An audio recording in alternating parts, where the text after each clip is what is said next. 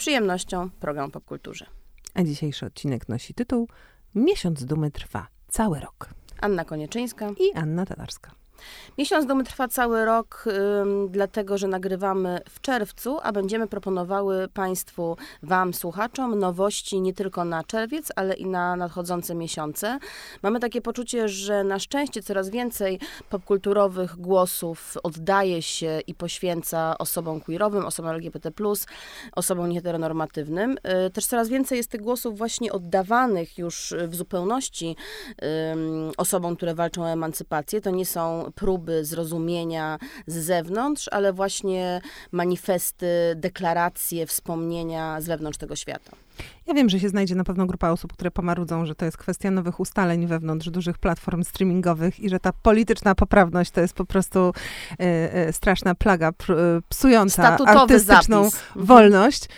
Ale ja myślę sobie, że jeśli dochodzimy powoli do takiego momentu, że na każdej platformie streamingowej, w ofercie e, każdej stacji e, telewizyjnej, każdy jest w stanie znajdzie, znaleźć coś, w czym się może przejrzeć, bez naciągania faktów. I nie zawsze musi się przeglądać w białym heteroseksualnym bohaterze, to to jest super.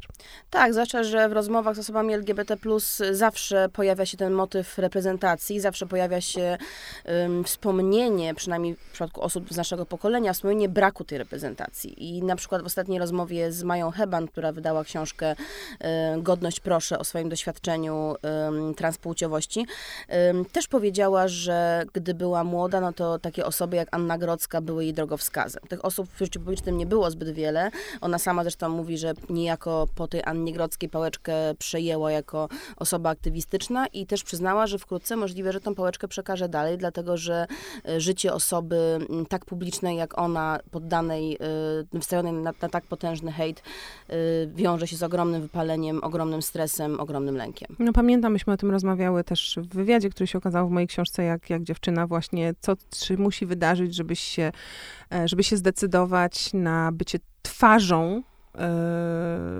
takiej, takiej, takiej sytuacji i że to jest po prostu ogromne psychiczne obciążenie. A ja jeszcze tylko chciałam zwrócić uwagę na to, że tutaj też jest pewne podobieństwo e, bo mówimy o zmianach e, w branży, do sytuacji osób, które są niebiałe i że bardzo wiele osób, z którymi teraz um, ja rozmawiam do różnych premier, do różnych filmów, które, tak jakby chociaż Halle Bailey, tak, no ktoś znowu skrytykuje przykład, ale to jest, wydaje mi się, zasadny przykład, E, wychowywały się oglądając filmy o dziewczynkach, z którymi się identyfikowały i te dziewczynki nigdy nie wyglądały i nigdy nie zachowywały się i nigdy nie miały takiej historii jak one, a jednak tyle osób nauczyło się widzieć siebie w historiach ludzi, którzy wyglądają całkiem inaczej i pochodzą z innego miejsca. Dlaczego nie mogłoby być teraz odwrotnie? Nie rozumiem, wydaje mi się to całkiem naturalne. Tak, zwłaszcza, że ta ekwilibrystyka i gimnastyka, którą osoby LGBT czy osoby niebiałe musiały wykonać, y, dla nas były zupełnie przeźroczyste. Znaczy te postaci, które myśmy oglądały właśnie były takie jak my i nie zadawałyśmy sobie trudu, żeby y, wczuć się w ich historię, a osoby, które wyglądały lub czuły się inaczej, musiały wykonać właśnie całą tą woltyżerkę. Mhm. No to teraz y, przyjrzyjmy się y, po trzykroć od trzech różnych stron y, różnym tytułom, które y, no właśnie o temat dumy z różnych perspektyw zahaczają. Nowości, klasyki i guilty pleasure, takie segmenty jak w każdym odcinku. Zaczynamy od nowości, bo czerwiec, y, jako że jest miesiącem dumy, jest też momentem wysypu y, produkcji y, o osobach LGBT.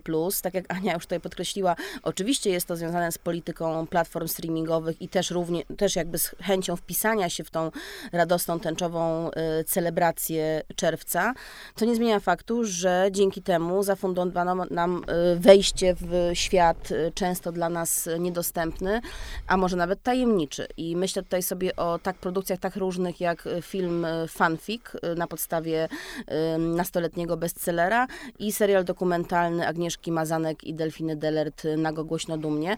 Trudno o dwie tak różne produkcje, jeśli chodzi o estetykę, jeśli chodzi o sposób opowiadania o bohaterach, jeśli chodzi o sposób realizacji. Są to obie, obie produkcje polskie, z czego też możemy być dumni, że wreszcie tutaj załapaliśmy na naszym rynku, że jest ogromne zapotrzebowanie na, na reprezentację. Fanfic powstał kilka lat po powieści, bo powieść ma już 6 lat, co też zastanowiło mnie z samego początku, jak niesamowicie pionierska była właśnie książka Natalii Osińskiej w momencie wydania. Wtedy osoba, osoby transpłciowe właściwie w ogóle nie mm, były w przestrzeni publicznej. To jest kwestia ostatnich dwóch, trzech lat, kiedy pojawiły się książki Piotra Jaconia, czy teraz Pauli Szewczyk, czy, czy właśnie Mai Heban o sobie samej jako prezent dla, dla środowiska. Więc Natalia Osińska swoim fanfikiem no, po prostu rozbiła, rozbiła system i wymagało to aż 6 lat, żeby y, Netflix tutaj doskoczył i żeby film i, i, i produkcja filmowa doskoczyły do tego, do tego poziomu reprezentacji. Y, długo trwały castingi, szukano y, głównego bohatera, właśnie osoby y, transpłciowej. Odnaleziono Alina Szewczyka, który sam się w taki sposób identyfikuje. To jest aktor i model wyłuskany właśnie spośród 300 kandydatów. W fanfiku zagrał postać, która odkrywa swoją tożsamość i ma sporo szczęścia w tym, bo tak jak takie opowieści jak już właściwie kultowe i klasyczne hardstopery czy Sex Education, otoczenie jest dosyć przyjazne. Jak na polskie realia nie ma tutaj mowy o, o przemocy, nie ma tutaj mowy o przesadnych dramatach, y, co oczywiście jest podkreślane jednocześnie jako atut y, i zarzut wobec produkcji, bo jako, że nazywa się to fanfic, no to tak naprawdę wchodzimy y, na poziom meta, bo bohater pisze swojego fanfika, w którym jego życie już zupełnie nie jest poddane żadnym zewnętrznym regułom, kiedy może w pełni swoją niezależność realizować, ale jednocześnie ta powieść i ten film też są swoistym fanfikiem, są swoistą fantazją na temat tego, jakby mogło wyglądać dorastanie, gdybyśmy faktycznie nie stawiali sobie y, żadnych granic, gdyby ludzie byli y, nam przyjaźni, gdyby rodzice byli rozumiejący, gdybyśmy mogli eksplorować siebie y, no właściwie bez bez hamulcu, bez ograniczeń. Mm, też myślę sobie, że ty opisujesz dość rzadką sytuację, na pewno wciąż rzadką, ale też wciąż budzącą kontrowersję. To znaczy, mamy tutaj sytuację, w której aktor i bohater są tożsami, jeśli chodzi o kwestię identyfikacji. Ten, e, ta dyskusja, czy tylko osoby nieheteronormatywne powinny grać osoby, postaci nieheteronormatywne, toczy się od jakiegoś czasu i mam wrażenie, że jest też w niej wiele niezrozumienia i trochę braku dobrej woli. Przypomniało mi się dosłownie, jak no mniej niż rok temu rozmawiałam z Pedro yy, Almodovarem, który myślę jest yy, taką też ikoną jakby otwierania widzów na, na świat daleko, daleko obok tej hetero w cudzysłowie normy. Mm, I on na przykład mówił, że on wcale nie uważa, że, że się powinno szukać koniecznie mm, aktorów na przykład właśnie transpłciowych do grania transpłciowych ról i że tutaj, no taki trochę bumerska deklaracja, prawda, że właśnie najważniejsze jest to, czy ktoś dobrze gra.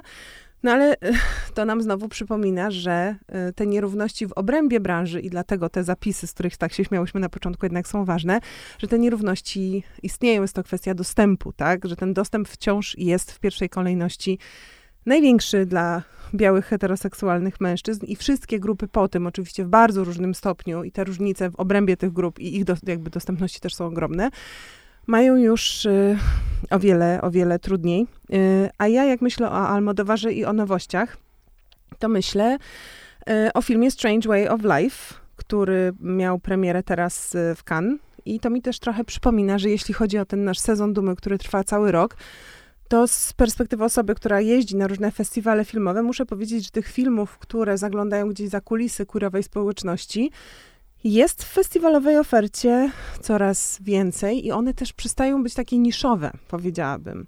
No, no Almodowar niszowy nie jest, absolutnie jest dla y, amatorów i dla fanów, ale to grono jest y, wciąż większe. No i tak zgodnie z tą deklaracją, o której mówisz, zatrudnił do swojego filmu y, aktorów heteronormatywnych. Przynajmniej z tego, co wiemy. Ale tak, Strange Way of Life to też jest short, więc to też trudno tutaj mówić o filmie, który będzie miał jakiś gigantyczny um, komercyjny um, zasięg. Chociaż Natomiast... Pedro Pascal, na jego ręczne nazwisko, co to tutaj gwarantuje publicity.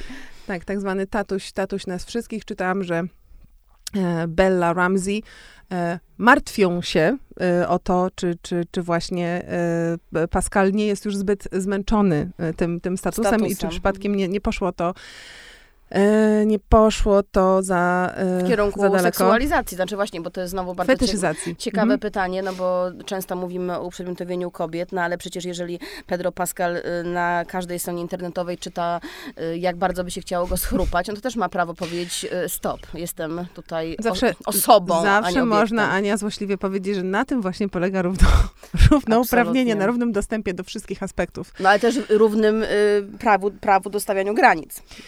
Y, Ja, jak myślę o tych festiwalowych y, przestrzeniach, y, to też myślę sobie o festiwalu Sundance, który w pewnym sensie wydaje mi się, jeśli chodzi o, no znowu nie lubię tego słowa, ale o pewne y, trendy jest zawsze bardziej do przodu. Sundance jest też takim festiwalem, który tak, po pierwsze odbywa się na początku roku, po drugie w pewnym sensie, jeśli chodzi o wskazówki oscarowe, jest oczywiście mniej komercyjny niż na przykład Toronto, które jest bardzo ważne dla tego półnoamerykańskiego, północamerykańskiego rynku ale em, jakby wartość tych wskazówek jest ważna. Jeśli jesteś niezależnym twórcą, który ma mieć szansę wejść na salony, to Sundance będzie tym twoim miejscem.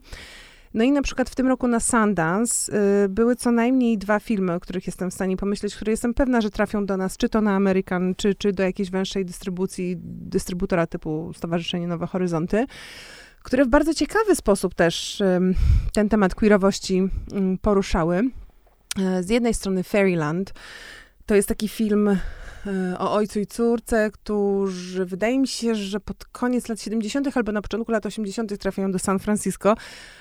E, No i myślę, że No już tak, możesz sobie Mekki. wyobra- wyobrazić, co się dalej dzieje. On jest, Tęczowej Mekki, tak. on, jest, on jest artystą, wtedy jeszcze nie wyautowanym i gdzieś ta córka staje się świadkinią tego, jak on siebie w tym świecie bohemy powoli odnajduje, oczywiście odnajdując siebie też w ogromnej sytuacji niebezpieczeństwa, o którym nie ma jeszcze wtedy pojęcia, bo nikt nie ma yy, o tym pojęcia. I to było tyle interesujące, że tych filmów, które gdzieś radziły sobie z tematem em, spuścizny a, tej pandemii AIDS yy, w Stanach było bardzo wiele, ale gdzieś tu, mimo że przenosimy się w historii, mamy trochę inne na to na to spojrzenie też właśnie przez oczy dziecka, dziecka, które też nie ocenia do, do końca, a jednocześnie potrafi powiedzieć, potrzebowałam cię, na przykład nie było cię. To jest gdzieś całkiem, mam wrażenie, inaczej pokazane i przetworzone przez y, całkiem inną wrażliwość. Też myślę, że perspektywa właśnie rodzicielska w kontekście osób LGBT+, to jest y, nowy temat. Podejmuje go również y, Bart Staszewski, serial dokumentalny Jesteśmy rodziną. Bart Staszewski, aktywista, przygląda się rodzinom tęczowym, które żyją w Polsce. Według różnych szacunków jest ich prawie 50 tysięcy, co oznacza, że no, każdy z nas tak naprawdę taką rodzinę zna, nawet jeżeli ta rodzina żyje w ukryciu. Coraz więcej osób najczęściej nie żyje w ukryciu, tylko dokonuje coming outu. Ym, u Barta Staszewskiego opowiadają o swojej codzienności, która jest tak prozaiczna i tak e, zwyczajna, jak codzienność e, po prostu rodzin, no bo nie ma rodzin zwykłych czy niezwyczajnych, to jest po prostu rodzina. Tak, ja też myślę o tym właśnie, bo mam wrażenie, że bardzo długo te filmy takie kultowe, jak myślałaś o, wiesz, y, fi, filmy o queerowej społeczności, filmy z wątkami LGBT, z bohaterami LGBT+, że to były zwykle, nie wiem, dokumenty o scenie wogowej, drag queens, prawda? Y, Jakiś taki, mm, przynajmniej z perspektywy osoby zewnętrznej, która też czasami brakuje jej dobrej woli, jakaś, ktoś, łatwo jest to zamknąć w kategorii jakiejś niszy, czegoś obok, tak? No albo mówiąc y, przyjaźniej, czy jakby mówiąc bardziej sojuszniczym językiem, no może nie w niszy, ale w przestrzeni artystycznej, czy w przestrzeni jakiejś takiej y, Ale łatwo jest powiedzieć, to nie jest nasze, to nie jest Tak. nasze, to nie jest tak jak my, my tu jesteśmy jakby zwyczajni, my jesteśmy większością, a, a to jest gdzieś poza. Teraz tych filmów właśnie, które pokazują, tak jak sama zauważyłaś, queerowe rodziny, jest coraz więcej i, i, i, i ta próba takiego uświadamiania też przez, przez sztukę, przez film, że rodzina w tej społeczności nie jest żadną fanaberią, chociaż oczywiście utrzymywanie jej, y, tworzenie jej, szczególnie w takich krajach jak Polska, y, wymaga czasami ogromnej ekwilibrystyki i po prostu gigantycznej gimnastyki, co jest zasmucające i, i niesprawiedliwe.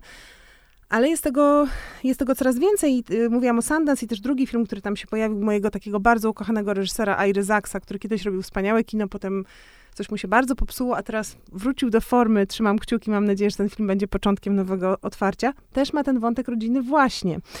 I też ma gwiazdę, co jest też e, znaczące, że te gwiazdy już nie tak jak kiedyś się boją albo udają, że, że grywają. Pamiętasz Ruperta Everetta, naszego etatowego, przystojnego geja we wszystkich filmach z Julią Roberts. Komedii romantyczne, tak. tak. Najlepszy przyjaciel. Zawsze, zawsze, wiadomo. Ale też, ale też z taką sugestią, że może, może, wiesz, może by coś było, może by się coś udało, gdyby losy się potoczyły mm, inaczej. Ale ja tylko chciałam właśnie wrócić jeszcze do filmu Passages. Filmu Passages, w której główne role grają Franz Rogowski i Ben Whishaw, e, którzy grają małżonków z 15-letnim stażem. E, I w pewnym momencie bohater Franca Rogowskiego, który jest, no tutaj akurat ta artystyczna teza się sprawdza, bo on jest reżyserem, poznaje dziewczynę w tej roli e, Adele Exarchopoulos. No i coś się dzieje. Coś się dzieje. Nawiązuje się między nimi relacja, czy to jest romans, czy to jest jakaś fantazja, nie wiadomo, ale tam się pojawia perspektywa bycia rodzicem.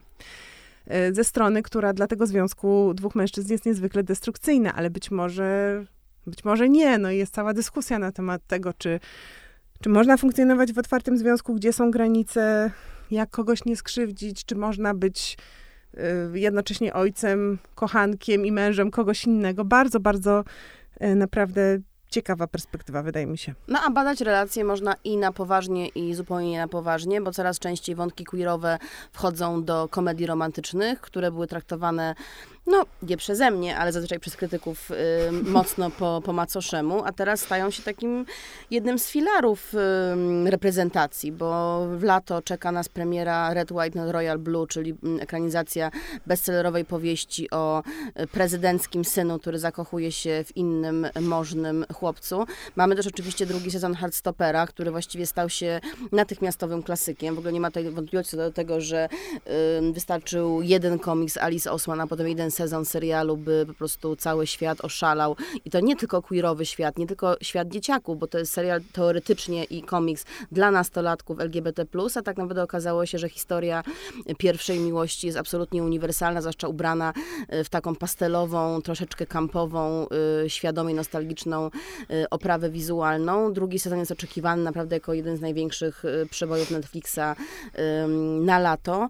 Jeszcze mówiłyśmy o, mm, o tym fanfiku, prawda? I o tym, że tam 300 osób zgłosiło się do, do roli Tośka y, i Netflix postanowił wykorzystać jakby ten gigantyczny potencjał, który tkwił w tej, w tej grupie i nakręcił serial dokumentalny Jesteśmy Idealni o drogach tych osób. Drogach, które niekoniecznie zaowocowały rolą w fanfiku, no bo dostał ją w końcu Alin Szewczyk, ale każda z tych historii to jest droga do samopoznania, droga do samoakceptacji y, w tle z tym pragnieniem sławy. Ja bym jeszcze przeniosła te wątki, o których rozmawiamy, z tej młodszej grupy wiekowej do nieco starszej, a na końcu już dużo starszej grupy. I wspomniałabym o e, serialu Yellow Jackets, który też bardzo fajnie pokazuje, jak y, właśnie zmieniają się narracje wokół tego tematu y, i nagle to jest organiczne. To już nie jest coś, co ma odciągać uwagę, co ma być takim comic relief, czy co wymaga osobnej produkcji, tylko właśnie w Yellow Jackets, które rozgrywa się na dwóch płaszczyznach e, czasowych i obserwuje te same bohaterki jako młode, to są głównie dziewczyny, piłkarki, które się rozbijają w lesie i muszą przetrwać w głuszy same. Też... No jest to horror. No ja nie byłam w stanie obejrzeć więcej niż kocham trzy, trzy odcinki. Ja wiem, że, bo Ania w ogóle kocha horrory, bo w ogóle nie, nie jest strachliwa. Ania, co ty? Ania ja w życiu nie, jestem, boi. Ja w życiu nie jestem strachliwa, a w kinie to daj ty spokój, nie jest tak łatwo To może telewizji łatwiej, mały ekran to mniejszy strach. Ja myślę, że to chodzi o to, że ja nie jestem strachliwa w tym sensie, że nie obrzydza mnie, nie boję się, wiesz, krwi i tak dalej, ale łatwo jest mnie tak wystraszyć, nazwać tak bu. Bu. bu. To ja ci nie będę robić bu, ale za to kanibalizm widzę, że jakby cię nie rusza. Kanibalizm spoko, jestem wychowana na Peterze Jacksonie, więc wiesz, jakby to są, to są moje klimaty, ale tutaj nie róbmy za dużo spoilerów. W każdym no razie... jest to gor w każdym razie, jest to gor, a w tle jest y, gor dojrzewania. Ale makabra właśnie, chodzi o to, że makabra dojrzewania jest taka sama dla, dla wszystkich i nie ma tutaj tych takich klasycznych, stereotypowych, krzywdzących skojarzeń, zespołów raczej skojarzeń, tak, że, że, że właśnie y, dziewczyny, które mają się ku sobie, które w tej głuszy po raz pierwszy być może odkrywają, że, że chyba jednak y, szukają partnerki wśród, wśród swojej płci, one nie dostają tego bagażu, który często dostawały bohaterki filmów realizowanych rzeczywiście w tamtych czasach, czyli e, w latach 90. i też dużo później. I potem również jako dorosłe bohaterki są um, interesujące, nieoczywiste i mają wiele różnych innych problemów niż tylko, a właściwie głównie problemy związane z ich tożsamością psychoseksualną. No właśnie, bo znowu to jest jeden z głównych wątków rozmów z osobami LGBT+, a propos reprezentacji, że po pierwsze jest to albo stygmat, znaczy jest to reprezentacja, ale stygmatyzująca w tym sensie, że pokazująca y, tragizm, albo po prostu dydaktyczna bardzo silnie, albo są to postaci, które, które właściwie ta tożsamość trochę zżera, jakby trochę nie mają innej tożsamości. Jest to jedyna tożsamość, która te, tych bohaterów y, wyróżnia, a w tych nowoczesnych przedstawieniach faktycznie to jest y, postęp, no jeszcze nie oczywiście y, absolutnie y, osiągnięta emancypacja, ale postęp, że te postaci są po prostu wielowymiarowe, tak samo jakby były każde, y, każde inne postaci. No i też jakby seriale dokumentalne, które i filmy, które świetnie ujmują temat osób queerowych, coraz częściej pokazują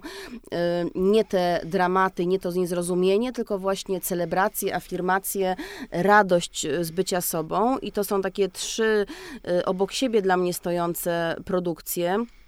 E, jedna bardzo skromna, ale mocna, to jest krótki metraż Filipka pokazywany na Millennium Dogs Against Gravity o Filipce Rutkowskiej e, w reżyserii jej przyjaciela e, Dawida Nikla, czyli autora Ostatniego Komersu, bardzo wrażliwego twórcę na, na lęki i doświadczenia nowej generacji. No i ta też Filipka, artystka, performerka, kuratorka, odkrywa swoją tożsamość, jak to sama mówi, afirmuje niebinarność i pokazuje świat z tej zupełnie innej perspektywy, kiedy odejmiemy sobie nakładki e, genderowe i poczujemy się po prostu wolni. Mm. No i w tymże krótkim dokumencie Dawid Nikel śledzi e, Filipkę nie tylko podczas jej przeobrażeń scenicznych, ale także podczas rozmów z rodzicami, którzy na początku oczywiście no, sceptyczni, czy też wylęknieni, z czasem rozumieją, że zyskali jeszcze więcej swojego dziecka, że jakby mm. im więcej ona eksploruje siebie, tym więcej tak naprawdę oni mają miłości do dania i do odebrania. Druga pozycja to jest y, Nago Głośno Dumnie, o którym już tutaj wspomniałam na początku i to też są historie osobiste mm, mężczyzn, kobiet, y, osób transpłciowych, osób identyfikujących się tak jak chcą, które odkrywają siebie na scenie. Y, czy to w dragu, czy, czy w burlesce, czy w nagości, czy w kostiumie, podążają tą drogą samopoznania też w bardzo różnym wieku, bo to jest też... Droga dragu. Droga, podążają drogą to jest propozycja dragu. nowego ćwiczenia ćwiczenia dla logopedów, uważam. bardzo ładne, bardzo ładnie to brzmi, tak. mhm. tak. Więc podążają tą drogą po to, żeby y, spełnić swoje najskrytsze fantazje y, o byciu gwiazdami. Oczywiście to też, o tym, żeby ktoś y, bił brawo, ale też, żeby pokazać, że można być naprawdę każdym i, i wszystkim, że jakby kostium, y, który nosimy na co dzień, kostium, który nosimy na scenie, może być tak ekstrawagancki, jak tylko, jak tylko możemy. Y, bohaterką y, pierwszego odcinka jest nieżyjąca już Kim Lee, czyli no, taka nestorka sceny drag queenowej w Polsce, o której powstała wystawa w Muzeum Woli. A ta też Kim Lee, która niestety zmarła na, na COVID, wychowała całe grono młodych mm -hmm. i starych drag queen, a wśród tych starych była była też ta najstarsza, czyli Lulala Polaka, bohaterka dokumentu Boylesk, który wreszcie trafił na HBO Max też właśnie na miesiąc dumy. No właśnie, i tutaj się spotyka nasz wątek festiwalowy z, z wątkiem aktualności, bo Boylesk y, Bogny Kowalczyk to jest taki film, który w zeszłym roku, można powiedzieć, szturmem zdobył bardzo wiele festiwali i serca widzów na nich, na nich obecnych. E, wyjechał z nagrodą e, z Krakowa, był pokazywany w wielu, wielu, wielu innych miejscach. No i historia e, queerowego performera mm, Andrzeja Szwana, który po osiemdziesiątce wciąż ma tak samo duży apetyt na życie, tylko gdzieś nie do końca ta młoda głowa i, i, i to już w wieku emerytalnym ciało się potrafią spotkać i to jest też trochę historia o pogodzeniu, ale jednocześnie taka chodząca, wspaniała, kolorowa, cudowna encyklopedia po prostu właśnie gdzieś, gdzieś życia yy, poza, poza nawiasem też konwenansu i, i, i z prawem do własnego wyboru od zawsze i na zawsze. Yy, więc ze świata festiwalowego na ogólnodostępną e, platformę i bardzo polecam. Jestem, chciałabym, żeby to był taki film autentycznie, który oglądasz z babcią. Jestem ciekawa, jak wiesz, jak, jakby to wyglądało, bo wydaje mi się, że jest tam bardzo dużo takich tropów, które kończyłyby się konstatacją. Pamiętam to, też tak miałam, mimo że pozornie właśnie ten temat jest tak bardzo, bardzo, odrębny. Czyli taki potencjalny klasyk, nowy klasyk. Oby. E, no a skoro o klasykach mowa, Aniu, co ci przychodzi do głowy? Bo tak jak powiedziałyśmy, ta reprezentacja niestygmatyzująca to jest stosunkowo nowe zjawisko, ale czy jest coś, co mm, pamiętasz, co tobie otworzyło też głowę i serce na, e, na doświadczenie, na losy osób e, LGBT+. Ja bym to ugryzła z dwóch stron, bo rzeczywiście, tak jak mówisz, mam ochotę mówić o rzeczach, które są stosunkowo nowe. Yy i na pewno gdzieś takim nowym klasykiem dla mnie był serial Sex Education, który co prawda nie koncentruje się wyłącznie i jego głównym bohaterem y, nie jest bohater queerowy, ale jednym z głównych bohaterów jest ten bohater, mam tu na myśli od przyjaciela Otisa. Który y, teraz gra doktora Hu. no tak, no, bo doktor Hu jest y, Doktor Hu jest chyba poza y, genderem. Doktor chyba, chyba jest gender fluid, prawda? Znaczy nie dość, że zmieniały Myślę, mu się twarze i ciało. Chyba jest pan genderowy, pan seksualny, tak, to jest y, w brytyjskiej popkulturze absolutnie mityczna postać. Tak, więc myślę o tym, o tym serialu. On oczywiście z jednej strony był bardzo taki kreacyjny i wymyślał te światy i wymyślał te sytuacje i tam było dużo hiperboli i no, nie, nie, nie, był to taki kitchen sink drama w brytyjskiej tra, tradycji, nie wiem, Loacha, prawda? Trudno tutaj mówić o realizmie, ale z drugiej strony gdzieś tam było to dla mnie zachwycające, że ten serial może to jest ta polska perspektywa i te nasze braki, też braki w edukacji, że ja to oglądałam nawet z pewną, wiesz, tęsknotą, prawda? Że, że taka wielokształtność i wielowcieleniowość tego świata i, i otwartość na jakby wszelkie warianty bycia sobą, na wszystkie drogi odkrywania siebie, że gdzieś dla mnie to było wspaniałe i e, mam wrażenie, że z tej perspektywy dla mnie ten serial byłby takim nowym klasykiem. A starym klasykiem? A, no tak, no to też pytanie, co jest starym klasykiem. Nowy i stary trochę, bo tu myślę o serialu Glee który, który jest znowu jest na pograniczu trochę problematyczny. guilty pleasure. Znaczy w ogóle jakby cała, cały dorobek... Albo, albo cringe'u. E, no cringe'u, kampu, kiczu, guilty pleasure, tu się te pojęcia mieszają, ale w razie Ryan Murphy jako twórca tego serialu dla nastolatków y, to w ogóle jest taka postać mocno polaryzująca, bo jednocześnie jest to y, no, osoba queerowa, y, on sam jest osobą queerową, która opowiada o doświadczeniu swojego środowiska, ale też często narusza pewne tabu, narusza pewne granice, a też jego seriale się dosyć szybko starzeją. I Glee jest takim, to, takim trudnym przykładem, bo kiedy debiutował kilkanaście lat temu, to był taką jaskółką, forpocztą pewnych zmian społecznych. Mhm. Pokazywał mm -hmm. osoby z niepełnosprawnością, pokazywał właśnie osoby niebiałe, pokazywał osoby LGBT+, y, żyjące w, w związkach y, młodzieńczych. To był jeden z pierwszych seriali, mam wrażenie, o takim zasięgu, który na przykład z taką czułością pokazywał relację ojciec i syn, tak? tak. Gdzie ojciec mm -hmm, się mm -hmm. uczy tego, że syn nie będzie hetero, i nie jest dla niego intuicją pierwszą się z tym pogodzić, czy I to dla niego samego ojca to jest otwarcie na, na własne doświadczenia. A znaczy, jednak to się dzieje, prawda? Więc z tej perspektywy pamiętam, że rzeczywiście ten serial mi się wydawał niesamowity. Też to, że te bohaterki tam miały um, różne e, kolory i różne kształty i pochodziły z różnych domów. Oczywiście, jak na to patrzę dzisiaj, to jednak wciąż to był dość wymuskany, wygumkowany i wyfotoshopowany świat, który mm, no, charakteryzuje się tym, co my czasami sobie żartujemy, że um, to tak jak się mówi o modelkach plus size, które no niby są plus size w tym sensie, że mają rozmiar, nie wiem, 42 i 44, ale wciąż mają idealną skórę i dokładnie te same proporcje, co ich pięć razy mniejsze koleżanki. Czyli taki podręcznik politycznej poprawności trochę. trochę tak. To znaczy niby pokazujemy wszystkie możliwe e, ciała, wszystkie możliwe osoby, ale jednak trzymające się gdzieś e, kanonu. Kanonu w obrębie pewnej wariacji na temat kanonu. No Więc tak. coś, co przełomowe było 15 lat temu, dzisiaj yy, jednak ogląda się może z łezką i z rozżywieniem i z nostalgią, ale już bez tego yy, takiego zachwytu nad, nad świeżością. No ale z drugiej strony mi się wydaje, że to jest taki natura, jakby naturalna kolej rzeczy, że bez Gli też nie byłoby bardzo wielu e, produkcji, które, które możemy dzisiaj oglądać, które możemy się dzisiaj, dzisiaj cieszyć i e, no, tru, trudno byłoby wyważać drzwi produktem końcowym, no bo wtedy po co je wyważać, skoro już wiesz, co, co za nimi jest. No. Więc tak, generalnie chwała Ryanowi Marfiemu, może oprócz y, Damera. No zdecydowanie, oprócz Damera. Damer uważam jest nawet, y, po, po, podpięłabym to już nie pod, na pewno nie pod guilty pleasure, na pewno nie pod cringe, to jest niemalże przestępstwo po Ani prostu guilty, telewizyjne. ani pleasure, tak. tak. No nie no, guilty jednak guilty. On jest guilty. Wiele razy, tak. Y, Pamiętam, że powiedziałaś na początku programu o pewnej perspektywie boomerskiej Pedro Almodovara. Myślę, że tutaj fani po prostu Pedra, wiesz, zaraz podskoczą Ale na ja jestem krzesłach. fanką Pedra, on jest No, wspaniały, ale no, Tak, bywa, tak, tak, no. tak. No ale w razie perspektywa boomerska to jest dosyć ciekawe zjawisko, jeśli chodzi o e, tematy tęczowe, dlatego że chociaż powiedziałyśmy o Boyleski, o Luli La Polace, e, która jest wspaniałym e, wyjątkiem i jej mentalność właśnie jest ponadgeneracyjna, tak jednak wiele produkcji, które mm, traktują o osobach e, 50 plus letnich, pokazuje tęczowe doświadczenie no w sposób właśnie na pograniczu już y, na pewno cringe'u i mowa tutaj o I tak po prostu, który powraca z drugim sezonem e, pod koniec czerwca, pewnie ku ym, takiemu właśnie bardzo grzesznemu zachwytowi y, y, hejterów i antyfanów, no bo myślę, że y, po, tym, po tej katastrofie, którą był pierwszy sezon, myślę, że sporo osób będzie oglądało właśnie tylko i wyłącznie po to, żeby się,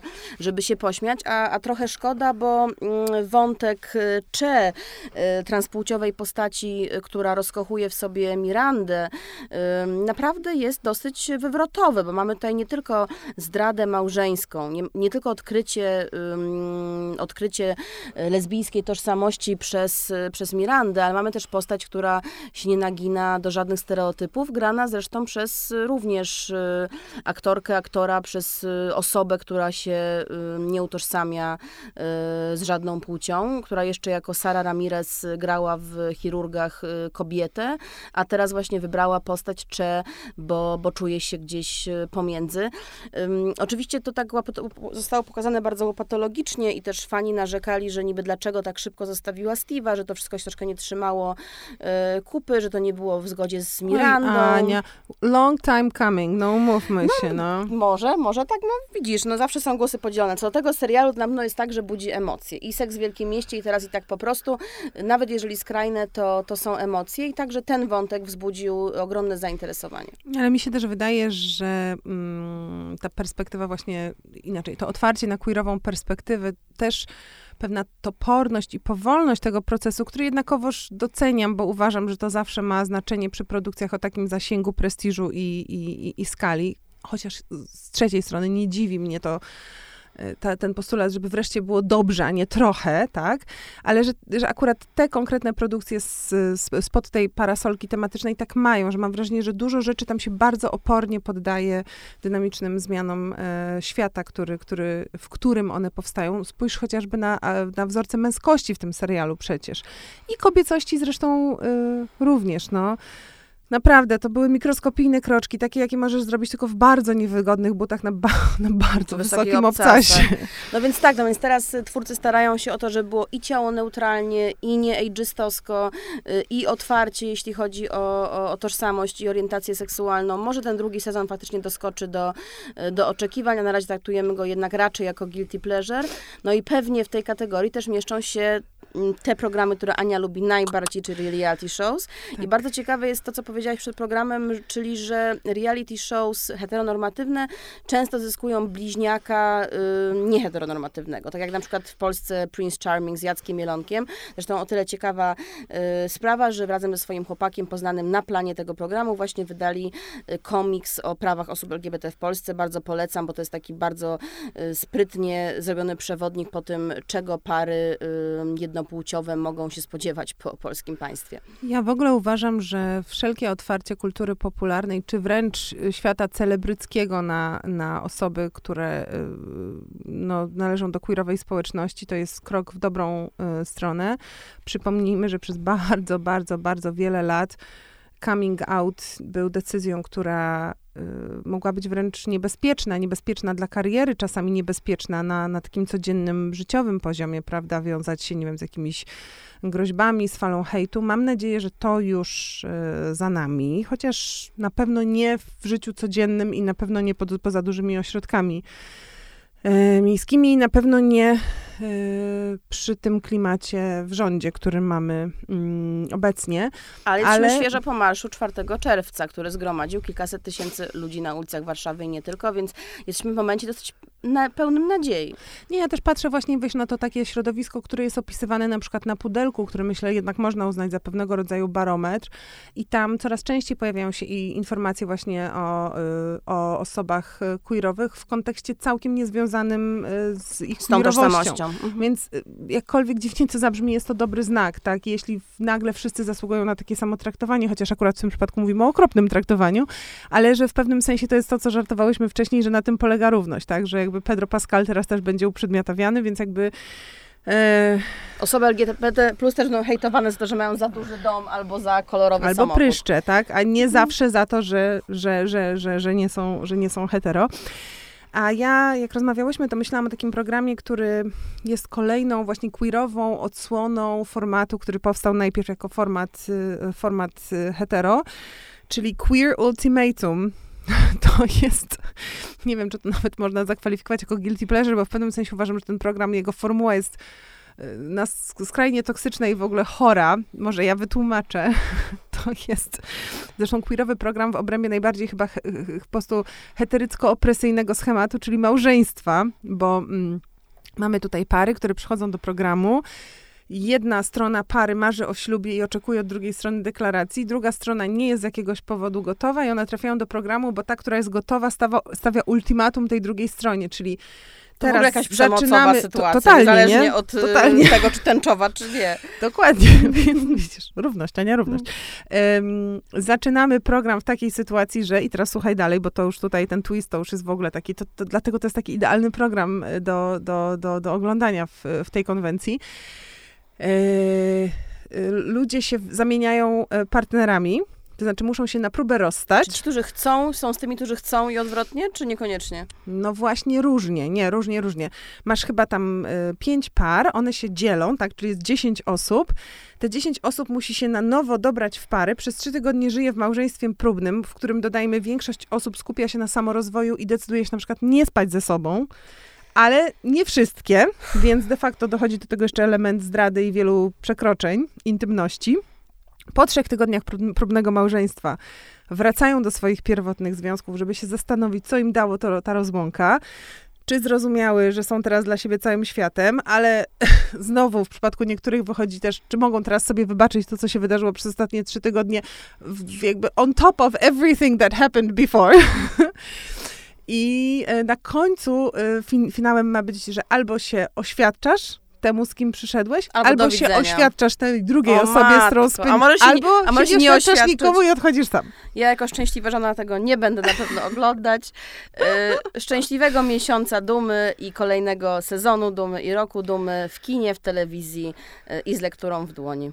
Mhm, I nie oglądajcie za dużo Queer Ultimatum, ale jeśli już to w nocy i tak, żeby nikt nie widział, bo aż się dziwię, że nie wstyd mi jest o tym głośno mówić, ale tak oglądałam, no. Mhm.